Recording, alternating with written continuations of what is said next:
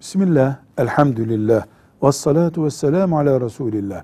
Bir döviz cinsinden borç alan birisi, mesela bir Aralık'ta borç almış, 20 Aralık'ta ödeyecek.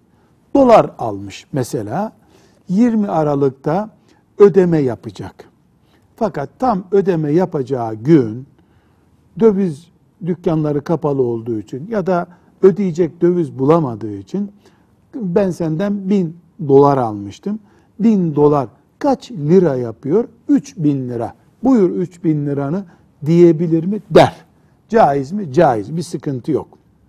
Ama Müslüman oturup da bir aralıkta borç hesabı yaparken ben sana e, dolar veriyorum ama 20 Aralık'ta sen boz, bozdurduğumuzda kaç para olursa o zaman lira olarak bunu ödeyeceksin şeklinde bir anlaşma yapsalar bunda sıkıntı olur.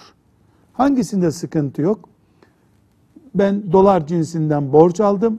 Ödeme günü dolar yok yanımda da hesaplayıp kaç lira yapıyorsa onu ödüyorum veya euro yapıyorsa onu ödüyorum.